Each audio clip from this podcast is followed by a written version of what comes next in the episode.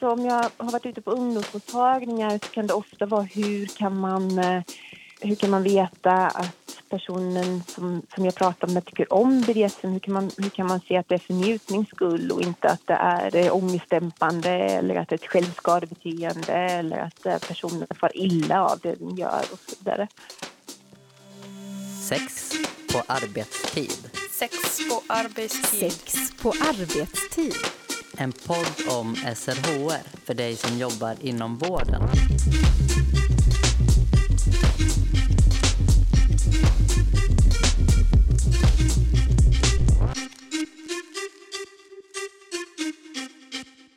Vad har bondage, dominans och sadomasochism med vården att göra? För bara lite mer än tio år sedan klassades sadomasochism som en sjukdom. Många myter och föreställningar om BDSM lever tyvärr kvar.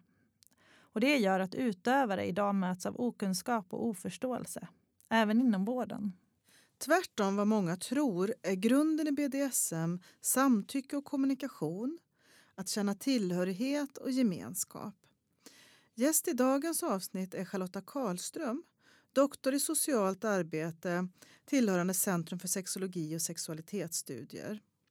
Charlotta kommer att lära oss mer om BDSM och hur vi som vårdpersonal kan skilja på njutning och övergrepp och vilka frågor vi bör ställa. Jag heter Anna Skoglund och gör det här programmet tillsammans med Elin Klingvall. Välkommen hit Charlotta! Tack så jättemycket. Så, du är med oss på telefon ifrån Malmö idag. Ja, det stämmer. Ja, och vi är jätteglada att vi kunde göra här, den här inspelningen och att du kunde vara vår gäst. Något som vi har funderat på det är ju, kom det sig att du började forska kring BDSM? Ja, eh, jag har ju hållit på att forska om BDSM nu i tio år. Jag började runt 2011 där någonting.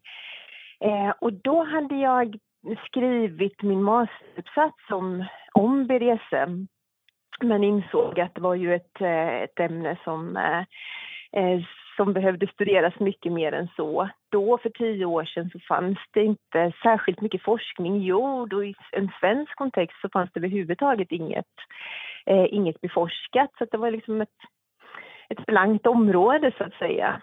Ehm, så jag tyckte det var jätteintressant. Ehm, och det, det jag också tänkte på det var att mm, den forskning som, eh, som fanns, den var väldigt eh, medicinsk inriktad.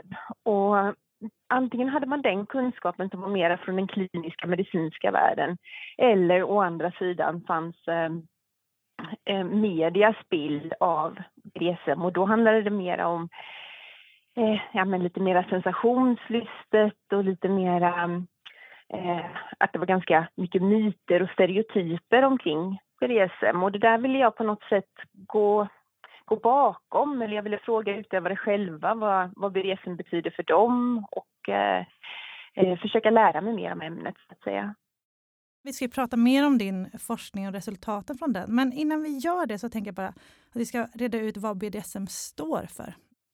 Ja, men precis. Det är ett paraplybegrepp och eh, det är väldigt viktigt att, ha med sig att BDSM står för ganska vitt skilda praktiker. Eh, det är ett samlingsnamn för ofta sexuella, men det behöver inte alltid vara sexualitet inblandat, men olika former av beteenden och uttryck. Och det enklaste sättet att ta reda på vad det betyder, det är ju att gå igenom bokstäverna. Som vi börjar med B, det står för bondage och Ehm, det innebär att man på något sätt begränsar någon annan persons eller andra personers rörelsefrihet. Ehm, och det kan till exempel ske genom rep eller genom handbojor eller genom tvångströjor och så vidare. Ehm, om vi går vidare till det så kan det stå för både disciplin men också för dominans. Och eh, disciplin kan handla om eh, eh styrning, om kontroll, om utdelande av belöning och bestraffning. Ehm, man, man utövar ofta disciplin genom rollspelande och då kan man liksom inta olika roller, till exempel som den stränga läraren och den olydiga eleven eller så. Men ofta, ofta rollspel där det redan finns någon form av makt så att det är den man liksom leker med. Då. och det kan ju också då stå för dominans och då innebär det att eh, en person intar den dominerande rollen och Eh, styr eller har en bestämmande roll eh, och, och vara undergiven då som S sen kommer till. Det innebär att man eh, submissive heter det på engelska, det blir lite missvisande med de, med de svenska orden.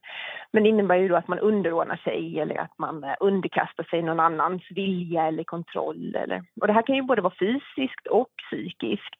Eh, när man pratar om eh, sadism och masochism som S och M då i slutet på förkortningen eh, står för, Eh, då handlar det alltid om någon inblandning av smärta. Att man eh, som sadist då njuter av att tilldela smärta och är man masochist så njuter man att ta emot smärta. Men det här behöver ju inte vara några statiska roller utan det kan ju liksom vara ett, eh, att man intar olika roller beroende på vem man utövar med eller beroende på sammanhang och så vidare. Om man eh, väljer att switcha som det kallas, att man Eh, kan vara både, både den dominanta eller den undergivna så att säga. Då kallas det att man switchar eller att man är switch. Kan man säga att det gemensamma för de här förkortningarna är liksom någon form av utforskande av makt? Eller finns det andra gemensamma nämnare?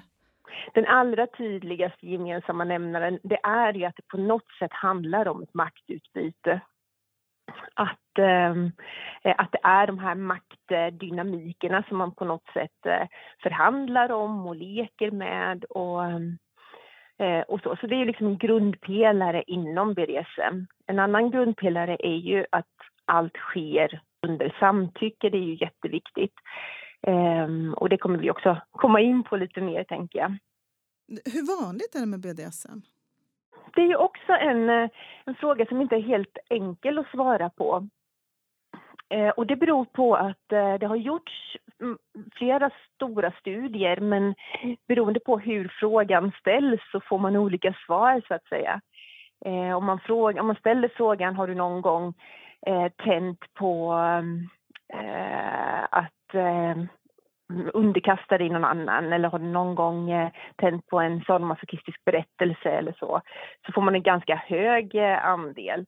Men om man ställer frågan utövar du BDSM så blir siffran ganska låg. Så att det är liksom lite beroende på. Men det finns en större studie från Australien, jag tror den är från 2008. Och den visar att eh, eh de som utövar BDSM, där ligger andelen på runt 2% av befolkningen. Och det är en siffra som jag har sett återkomma i andra studier också. Så runt 2-3 procent har liksom, eh, flera studier visat så att säga. Och vad är anledningarna till att man utövar BDSM? Ja, det, det, det, har, det är många anledningar. Eh, de personerna som jag har intervjuat och eh, Eh, och talat med, de, de ger ju en rad olika anledningar. Alltså det kan vara allt ifrån att det är en sexuell krydda eller en njutning liksom så, till att man ser det som, eh, eh som meningen med livet, att man ser det i existentiella termer, att det här, det här är den mest centrala delen av vem som vis, vad min identitet innehåller, eller det här är den, liksom, den tydligaste delen av mig. Så, så det, det, kan, det kan ha mm, eh, väldigt olika meningar eller olika stor innebörd i ens liv. Eh, men jag tror att för många så handlar det ju om den här maktutbytena och att det liksom kan vara ett sätt och ehm, eh, och få lämna ifrån sig makten, få lämna ifrån sig ansvar, att det är liksom någon, eh, någon känsla av trygghet och tillit till den andra personen. För det är ju väldigt Mm, handlar mycket om förtroende till den eller de personerna som man utövar tillsammans med. Så att kunna få göra det här och utforska de här maktdynamikerna i en trygg miljö, det är liksom något som många påtalar, att det ger någon sån här wow-känsla. Eh, så jag tror att man kan se det som, lite som en frizon där man liksom kan ges möjlighet att utforska och leka med känslor och eh, leka med tabun som kanske skulle vara svårt eller till och med omöjligt att göra utanför den här eh, frizonen. Jag tror att i vårt moderna samhälle idag så är det ganska få platser och få utrymmen där vi kan få känna de här starka känslosensationerna eh, eller få utlopp för de här starka känsloyttringarna som BDSM-utövare berättar om att de, de är med om under sina sessioner. Så jag tror att det kan liksom vara en arena för att kunna både utforska men också kunna få känna de här starka känslorna. Är det något som har förvånat dig i din forskning? Ja, men kanske det här liksom hur gemenskapen eh, mellan utövare är så ofta väldigt stark och jag tänker att det kanske, det kanske inte är så förvånande egentligen att det har med att göra liksom om man utövar eller gör någonting som resten av samhället ser ganska suspekt på, att det liksom skapar starka band emellan sig. Eh, men också det här att man känner starka känslor tillsammans och att det bidrar till en, en stark gemenskap. Och om man tänker BDSM som en sexuell praktik eh, så blir ju det lite konstigt för att man tänker ju ofta när, man, när det kommer till sex så så utövar man i regel med sin partner, man utövar i regel hemma eller att man har sex hemma i sängkammaren och så. Men när det kommer till BDSM så, så är gemenskapen väldigt eh, central och man har sitt community som, eh, som också betyder mycket för en i regel.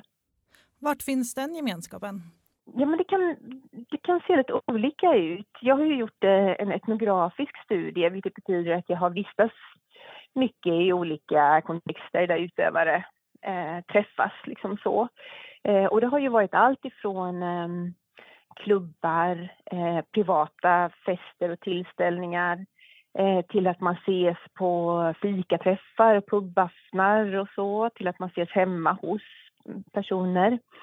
Ehm, och sen finns det ju också ett stort internetforum som heter Darkside på internet som, eh, som samlar många utövare. Det finns mycket föreställningar om BDSM. Vad skulle du säga är de vanligaste föreställningarna? Eller myterna? Eh, ja, mm, det finns som du säger väldigt mycket stereotyper och eh, myter omkring BDSM. Eh, och jag tror den allra, allra viktigaste att kunna särskilja, eller viktigast att ha koll på, det är ju att många tror att BDSM är att likställa med våld. Eh, och det tror jag är en väldigt vanlig fördom som, som också är väldigt felaktig, som jag har kunnat se i min forskning, att eh, BDSM och våld är två vitt skilda saker. Eh, jag tror att en annan ehm, fördom eller föreställning om BDSM det är att personerna som utövar har någon form av eh, traumatisk barndom eller om man har varit med om någonting negativt, att det liksom är någon, eh, något, någon form av trauma som man behöver bearbeta eller som eh, att det beror på någonting, att det finns en orsak att man utövar. Det är jag ganska kritisk mot den inställningen. Där kan jag ju stötta mig på tidigare forskning som visar att utövare i relation till eh, generella befolkningen inte mår sämre eller har varit med om eh, traumatiska händelser i barndomen eller tidigare i livet i någon högre utsträckning än andra. Eh, man är inte mera våldsam än andra människor. Eh, snarare så pekade på att man har ett högre välbefinnande, finns det till och med studier som visar, än en gemene man så att säga, eller personer som inte utövar. Hur kan vi förstå den här skillnaden då mellan BDSM och våld? Alltså jag tänker som vårdpersonal, hur, hur vet jag vad som är vad? Mm. Eh, det är en väldigt bra fråga och en väldigt viktig. För att eh, för att kunna skilja mellan BDSM och våld så behöver man någon form av grundläggande kunskap om de normer och regler som finns bland BDSM-utövare.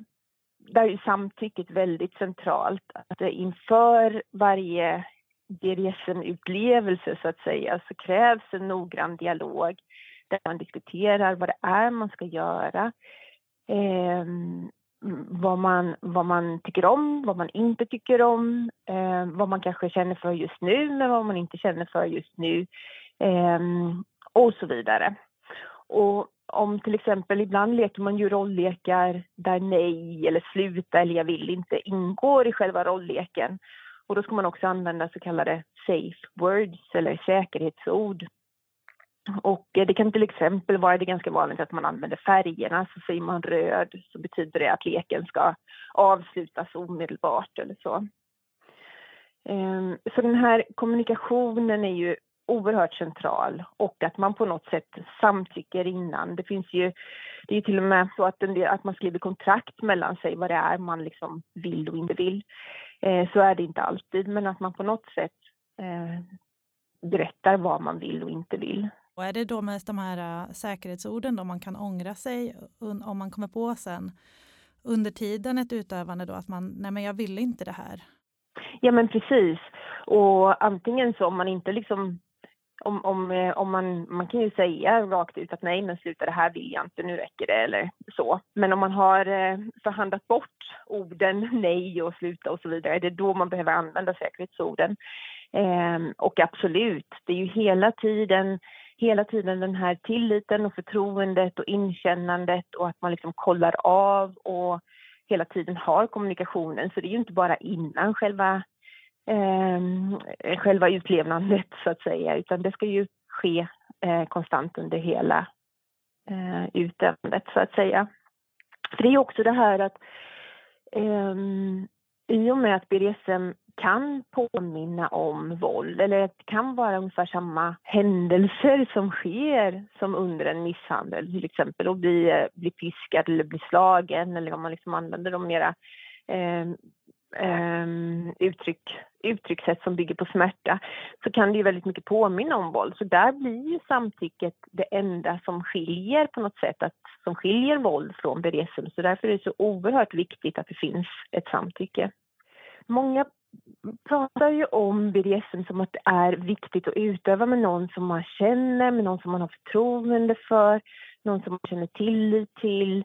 Eh, så att liksom man, och, och, och framför allt att man inte utövar under eh, eh, alkoholpåverkad eller drogpåverkad eller så, för då är det mycket svårare att känna av de här subtila nyanserna som det ibland bara handlar om. Jag tror att det är väldigt viktigt att man liksom känner in varandras kroppsspråk så att säga. De gångerna jag har hört talas om där det har gått fel, då har det ju ofta varit att man kanske inte, att man inte känner varandra så väl eller att man har utövat med droger i kroppen eller eh, någon, någonting sånt som ligger bakom. Hur säkerställer man då ett samtycke inom BDSM? Eh, ja, men det gör man ju både före och under och efter en uh, utlevnad. Eh, före gör man det genom att diskutera vad det är man vill vara med om eh, och kanske också vad man absolut inte vill vara med om. Eh, under, en, eh, under en session så innebär det att man har ehm, eh, eh, att man känner in varandra, att man har koll på varandra, att man hela tiden liksom känner av och lyssnar in och bedömer hur den andra reagerar på vad det är som händer. Eh, men det som också är viktigt, det är hur man tar hand om varandra efter en, eh, efter en session. Och då brukar man prata om eh, dels om debriefing, att man pratar om hur, hur var det, hur upplevde du det, att man ger varandra feedback, att eh, eh, man diskuterar vad kan vi göra annorlunda till nästa gång, var det någonting som inte kändes riktigt bra och så vidare. Eh, så det är en del. Men sen kan det också handla om att har man, har man haft en ganska tuff utlevnad då kan man behöva ta hand om varandra. Alltså det kan vara rent, rent fysiskt, att man kanske behöver någonting att äta, man behöver någonting att dricka, man kanske behöver en filt om sig, man behöver bli kramad. Eh, det kan också vara så att man behöver bli bekräftad. Den som har agerat dominant kanske behöver få veta att ja, men, eh, det, det du gjorde var, betydde jättemycket för mig. Jag upplevde det så här. Det kändes väldigt bra att man liksom får den bekräftelsen. Eh, många säger att eh, det här behöver man göra igen sen att man pratar, om man inte är ett par som lever tillsammans så är det bra om man återknyter kontakten kanske dagen efter att hur känns det idag? För att det är ganska mycket ambivalens kring, kring ett utövande. Det kan vara det, att man liksom eh, ehm, samtidigt kan man känna att det är helt fantastiskt underbart. Å andra sidan så kan det vara till exempel internaliserade eh, sexfientliga eller skamfyllda tankar och känslor som man drabbas av. Så därför är det väldigt viktigt att man liksom har den här eh, feedbacken och kommunikationen emellan sig. Och på många BDSM-klubbar som, eh, som jag också har varit på så har de haft, kunnat ha ett rum avsatt till den här eftervården så att säga. Att man liksom kan gå in i det här rummet för att få ja, men ta hand om varandra efter en utlevnad så att säga. Ibland kan man stöta på, jag tänker på 2012 så kom det ju en bok, den här 50 shades of Grey. Mm. Eh, och på något, något vis blev ju BDSM allmänt känt. Men är det en representativ bild? Nej, men, eh, jag talar nog för den större delen av BDSM-communityt när jag säger att det inte är en, eh, en rättvis bild av BDSM. Och den boken har heller inte gett sig anspråk på att vara en rättvis bild av BDSM. Så att jag, eh, det är lite trist att det sammankopplas så mycket som, som, den, som det faktiskt gör. Um, för det, ju, det, var ju precis under den tiden som jag gjorde mina intervjuer som 50 Shades of Grey kom ut som bok så att vi, den relaterade ju de flesta utövare som jag intervjuade till. Eh, men var ju ganska upprörda över hur, eh, hur stor plats 50 Shades fick i, i den eh, offentliga debatten och hur eh, felaktig beskrivning av BDSM den gav. Ehm, Vad var det felaktiga tyckte sen, man? Ja, men det, det handlar ju just om det här med samtycket och att eh, det inte liksom eh, eh, det var inte på, på lika villkor och man utövar inte jämlikt. Har synen annars ändrats tycker du på BDSM de här åren som du har forskat inom området? Oh ja, ja det har det verkligen och det har varit så enormt spännande och eh, jag, under de här tio åren som jag har hållit på att forska så kan jag ju se att det har ändrats jättemycket. När jag började då så var det ju ett ganska okänt fenomen för de flesta. Eh, när, jag, jag kommer ihåg när jag, när jag mm, fick frågan vad jag skulle skriva min avhandling om så, eh, ja, men så försökte jag förklara vad det handlade om och sådär. Eh, och blev ju bemött med ganska mycket skepsis. Och varför ska det här in i akademin och det här måste väl vara ett väldigt litet ytterlighetsområde. Och varför är det värt att beforska och lägga fyra års forskning på och sådär. Eh, och det upplever jag ju överhuvudtaget inte nu att jag får eh, att jag får såna, såna frågor utan eh, det blev ju, och det, det, är väl någonting som man kan säga är positivt med 50 Shades, att det, det lyfte BDSM till den offentliga debatten på något sätt och att det blev mera mainstream. Eh, och lite mer accepterat och tillgängligt när folk fick kunskap och information om vad det innebär. Innebär det också att utövare kan vara mer öppna? För vissa tror jag att det har blivit enklare att vara öppen. Ehm, men jag ser ju fortfarande att det är otroligt stigmatiserat. Och eh, jag har ju pratat med personer som, eh, som både har blivit av med sina jobb när det har kommit fram att man har utövat BDSM, som eh, har fått ehm, ja, men mist kontakten med sin familj där, där familj familjemedlemmar har vänt sig mot en, så att säga eller har tagit avstånd från en. Eh, det har också varit anmälningar till socialtjänst och barnavårdsutredningar och så vidare som, som har haft liksom eh, ja, har hängt ihop med själva BDSM-utövandet. Så vilka kunskaper behöver då professionella ha kring BDSM? Jo, men först och främst så tänker jag att det är att kunna förstå den här skillnaden mellan våld och BDSM. Den är ju, den är ju väldigt, väldigt viktig. Um, och det här att kunna förstå hur BDSM bygger på, på samtycke, på ömsesidighet, på tillit och att om det inte finns ett uttalat samtycke då är det inte heller BDSM. Uh, ehm, då kan det till och med vara våld så att säga. Men även om eh, det finns ett samtycke, kan det inte bli farligt? Absolut. Eh, BDSM kan vara farligt och det finns ju många praktiker inom BDSM som, eh, som kan vara väldigt farliga och som kan eh, eh, ge förödande konsekvenser om man inte har eh, kunskap och erfarenhet och vet hur man utövar på ett, eh, på ett säkert sätt. Eh, man, brukar, man brukar prata om S1C, de, de tre bokstäverna, safe, sane and consensual. Och eh, på svenska är det ju då säkert, förnuftigt och eh, med samtycke. Men att eh, man, man har ett eh, säkerhetstänk ehm, och eh, att man utövar förnuftigt. Det kan ju återigen vara det här att man liksom inte utövar med droger i kroppen eller med alkohol i kroppen eftersom det suddar ut ens eh, omdömen, eller kan sudda ut ens omdömen rätt mycket. Um, Var lär man sig det här då, tänker jag? Alltså, för jag tänker, många andra gånger i sexuella sammanhang så är det mycket learning by doing. Men här låter det som att man behöver ha vägledning på ett annat sätt. Ja, um, och det kan man, det kan man få. Uh, som på Darkside så finns det uh, personer som uh, agerar ansvarstagna vuxna människor som man liksom kan ställa frågor till och som, eh, som också eh, när man kan, vara, kan vara behjälplig när man kommer till BDSM-klubb för första gången.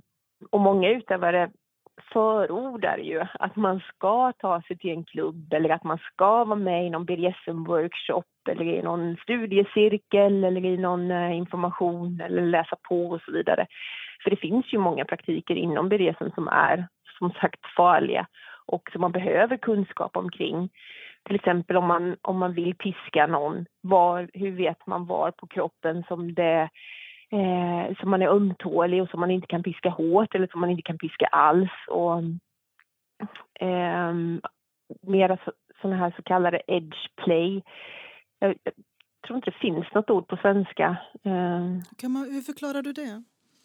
Ja, men det handlar om eh, utövande som, som är på gränsen eller som eh, det kan till exempel vara stryplekar eller eh, om man leker med el eller om man eh, eh, leker med tvångströjor där man liksom helt bäddar in personer i någon form av eh, tvångsåtsättnad liksom. Um, och det, det, kan ju, det kan ju bli farligt. Och det kan ju vara på um, millisekunder som, som det handlar om att det liksom blir en allvarlig situation. Eh, så, så där tänker jag ju liksom att genom att titta på andra, hur man gör, man lär sig mycket av andra. Det är ju också en sån sak som den här starka gemenskapen bidrar till, att man, eh, eh, man lär sig av de som är duktiga inom en viss praktik och de är också ofta villiga att lära ut så att säga. Men vad säger egentligen lagen? Kan man samtycka till allt? Mm, nej, det kan man inte. Alltså förenklat sett så kan man samtycka till allt som kommer upp till grovt våld. Man kan inte samtycka till det som kallas grovt våld. Um, och sen, men, sen blir det ju lite eh, tvetydigt och subjektivt. Det är ju subjektiva bedömningar. När blir, när blir en handling grovt våld och så vidare. Men man kan absolut inte samtycka till allting utan eh, där reglerar lagen så att säga. Men kan man tänka sig att det är lite lik som vissa sporter där man då samtycker till, alltså boxning till exempel, där man då ändå utövar våld mm. med någon slags samtycke, men det kan ju också gå lite snett då, eller gå över gränsen. Ja, Ja men precis, jag tror att, äh, att det är en bra jämförelse att göra. Att, äh, äh, nej, men man, man, får, man får ha lite riskmedvetenhet, att det man ger sig in i, det ger vissa blåmärken eller det ger vissa konsekvenser så att, så att säga.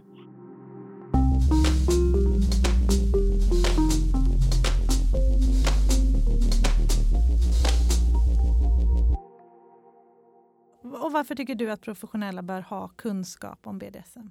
Det är många som utövar BDSM och för att kunna försäkra ett professionellt bemötande och för att kunna eh, eh, ge den sortens hjälp eller stöd som, som behövs eh, så behöver man kunna ha ett professionellt bemötande och man behöver ha någon, någon form av kunskap och information omkring vad BDSM innebär eh, och vad ett hur ett förhållande kan se ut som är baserat på, på BDSM. I vilka vårdsituationer kan frågor om BDSM bli aktuella?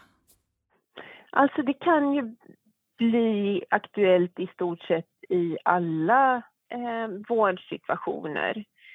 Eh,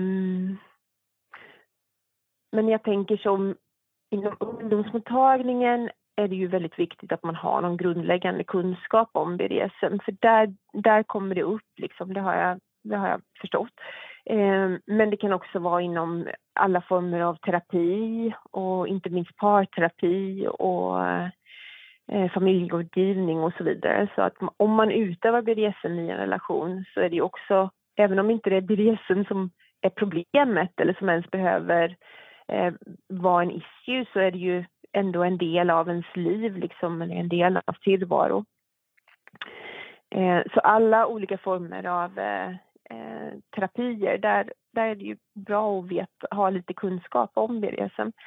Eh, men sen kan det ju också handla om vanliga läkarbesök där man visar upp sin kropp. Om man då har eh, blåmärken på kroppen till exempel så leder ju det ofta tankarna till att man har blivit misshandlad och där är det liksom viktigt. Jag vet någon, ute, någon person som jag intervjuade som sa att Nej, men min husläkare, jag har berättat för min husläkare att jag utövar BDSM för att inte eh, för att inte hon ska bli chockad när hon ser mig om jag har liksom, om jag behöver söka upp vården av någon annan anledning men precis har utövat. Eh, och det kan ju, det kan ju vara bra att, det, att den kunskapen finns så att säga. Men vad tänker du att man ska göra med den kunskapen då om det kommer en person med blåmärken? För det, finns, det ska väl inte heller vara så att man då utgår ifrån att det här är säkert ett blåmärke som, som personen har fått utifrån en njutningsfull upplevelse, utan man måste väl ändå misstänka eh, att personen har utsatts för någon form av brott? Ja men absolut, absolut. Eh, och det är väl det som gör den här Eh, det här viktiga att man ska kunna ställa rätt frågor för att kunna avgöra huruvida det handlar om våld eller om BDSM. Eh, men ja, givetvis så, så ska man ju alltid utgå ifrån som professionell att personen har eh, varit med om något, någon våldshandling om man kommer med, med blåmärken på kroppen. Eh, men om personen tidigare har sagt att ja, men jag är utövare så att ha förståelse för om det här sker, då har man ju liksom den tidigare kunskapen på något sätt och då kanske det är enklare att kunna föra ett samtal omkring det när man, om, om väl den situationen kommer så att säga. Vilka erfarenheter har utövare idag av vården?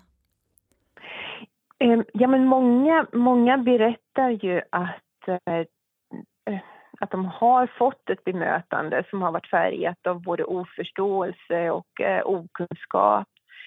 Eh, och att de här dåliga erfarenheterna då, det, det, leder ju till att man så gott det är möjligt undviker olika former av eh, kontakt med professionella för att inte det här bemötandet ska upprepas.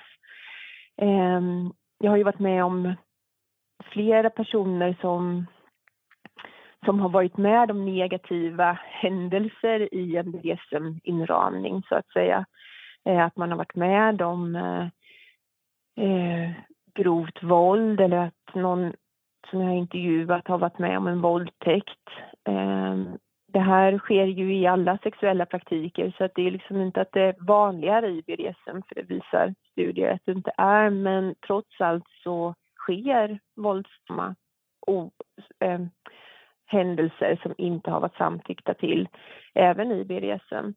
Och här tror jag lite att det blir som ett eh, dubbelt trauma för att eh, om man då har varit med om en, en eh, ett övergrepp i en BDSM-inramning eh, eller i en BDSM-situation och sen anmäler en sån händelse så är risken ganska stor att man, att man får höra att nej men, Mm, ger man sig in i den leken så, så får man leken tåla. Eh, en person som jag intervjuade till exempel, hon, hon hade lekt våldtäktslekar ehm, och eh, skrivit om det på ehm, sociala medier eller någonstans där man kunde hitta det på, på internet.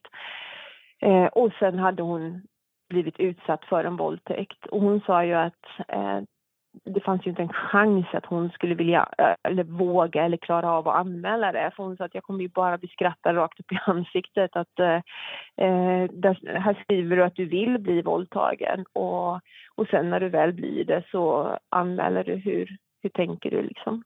Så, så jag tror att det är väldigt viktigt det här liksom med eh, kunskapen omkring vad som är BDSM och vad som är våld för att kunna utforma rätt sorts hjälp i sådana situationer. Annars riskerar det att bli det här dubbla traumat eller att man helt undviker eh, vården.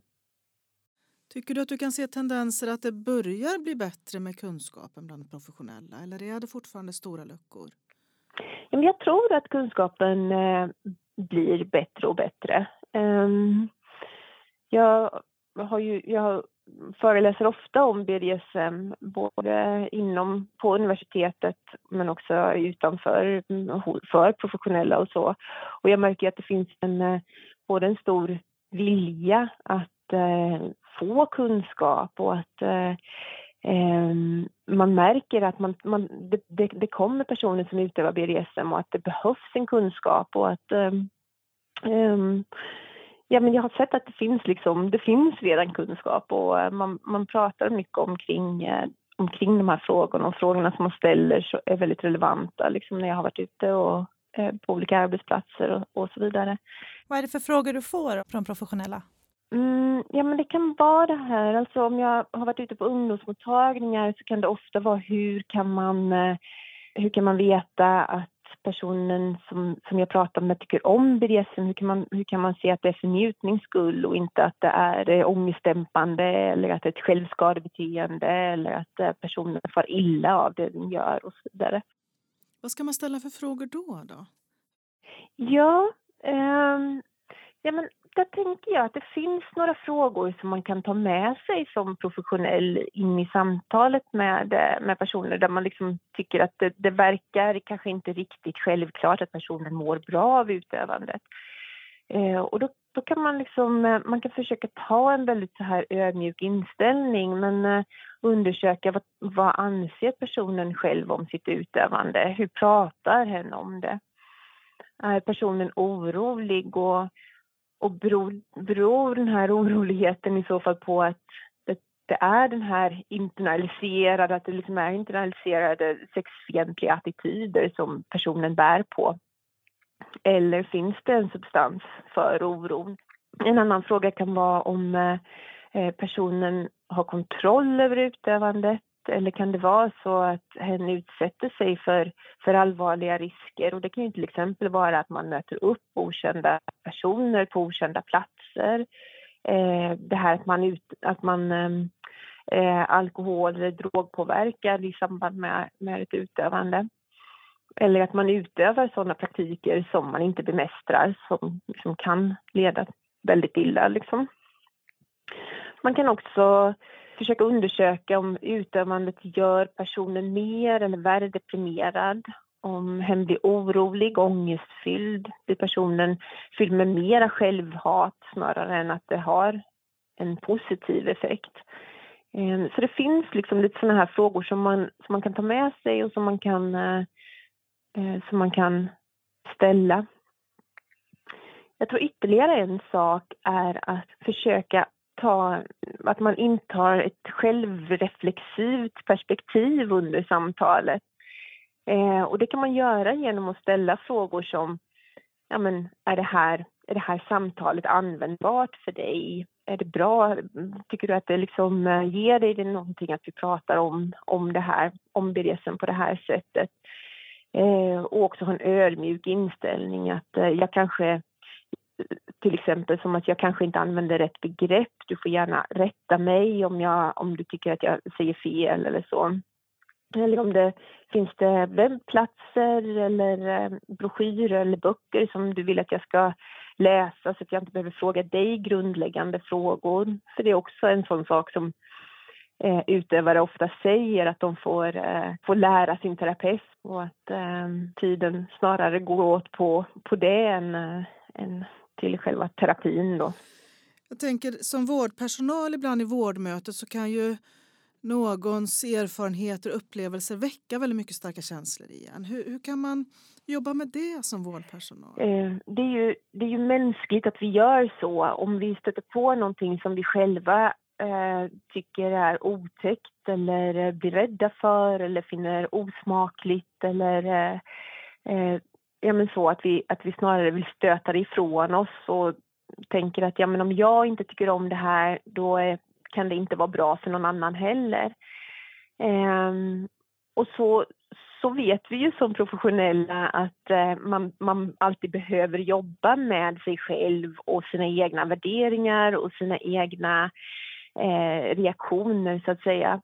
Men det är precis som att när det kommer till sexualitet och framför allt till eh, BDSM eller till sån sexualitet som inte tillhör eh, mainstream eh, no, den normativa sexualiteten så att säga. Nej, men att man, att man på något sätt inte använder sig själv som en mall i det här, att man inte utgår från sina egna värderingar eller att snarare så här att man tittar på sina egna värderingar och sin egen sexualitet och sin egen lust eh, och så bearbetar det. Hur, hur, varför reagerar jag på det här sättet när jag hör den här personen berätta om eh, eh till exempel en våldtäktslek eller en förnedringslek eller sådana såna delar inom BDSM som jag förstår att många kanske har svårare att förstå. Eh, och snarare liksom, ja men, titta in på sig själv och liksom inta det här mera självreflexiva perspektivet. Det tror jag är viktigt.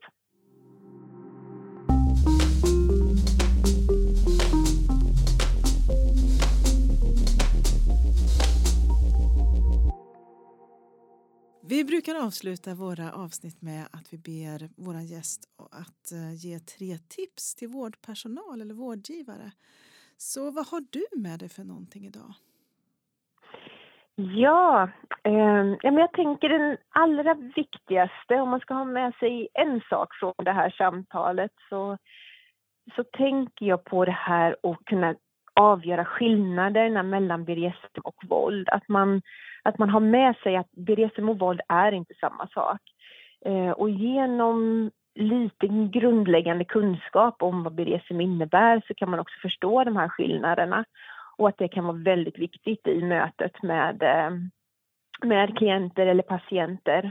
Det var det första. Och sen tänker jag att, eh, eh att inte utgå från sig själv som mall. Att man Eh, Eh, att man inte utgår från sin egen lust eller sin egen sexualitet eller sina egna värderingar i, eh, i samtalet. Att är, det, är det sånt som man reagerar på och känner olust inför eller tycker att nej, det här är ju väldigt otäckt eller äckligt eller eh, det här kan bara inte personen må bra av.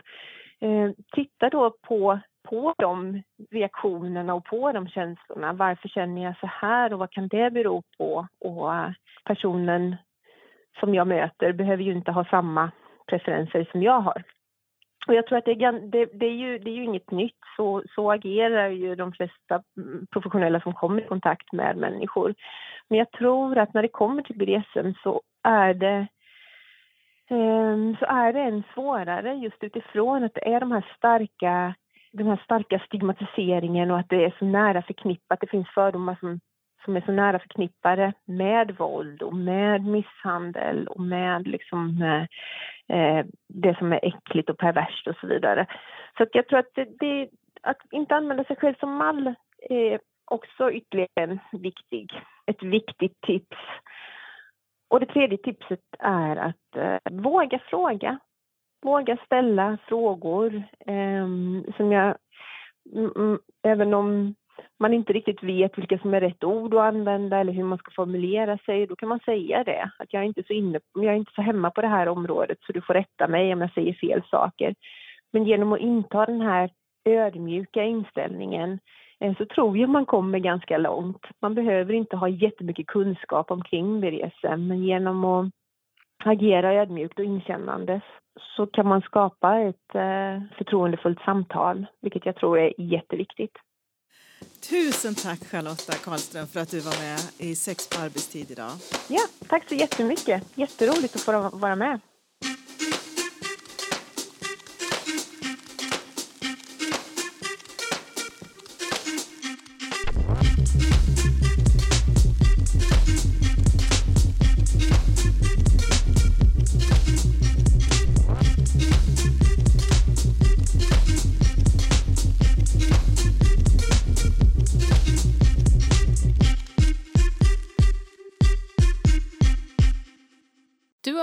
Sex på arbetstid, en podd av och med Jenny Fese, Elin Klingvall och Anna Skoglund på Kunskapscentrum för sexuell hälsa, en del av Västra Götalandsregionen.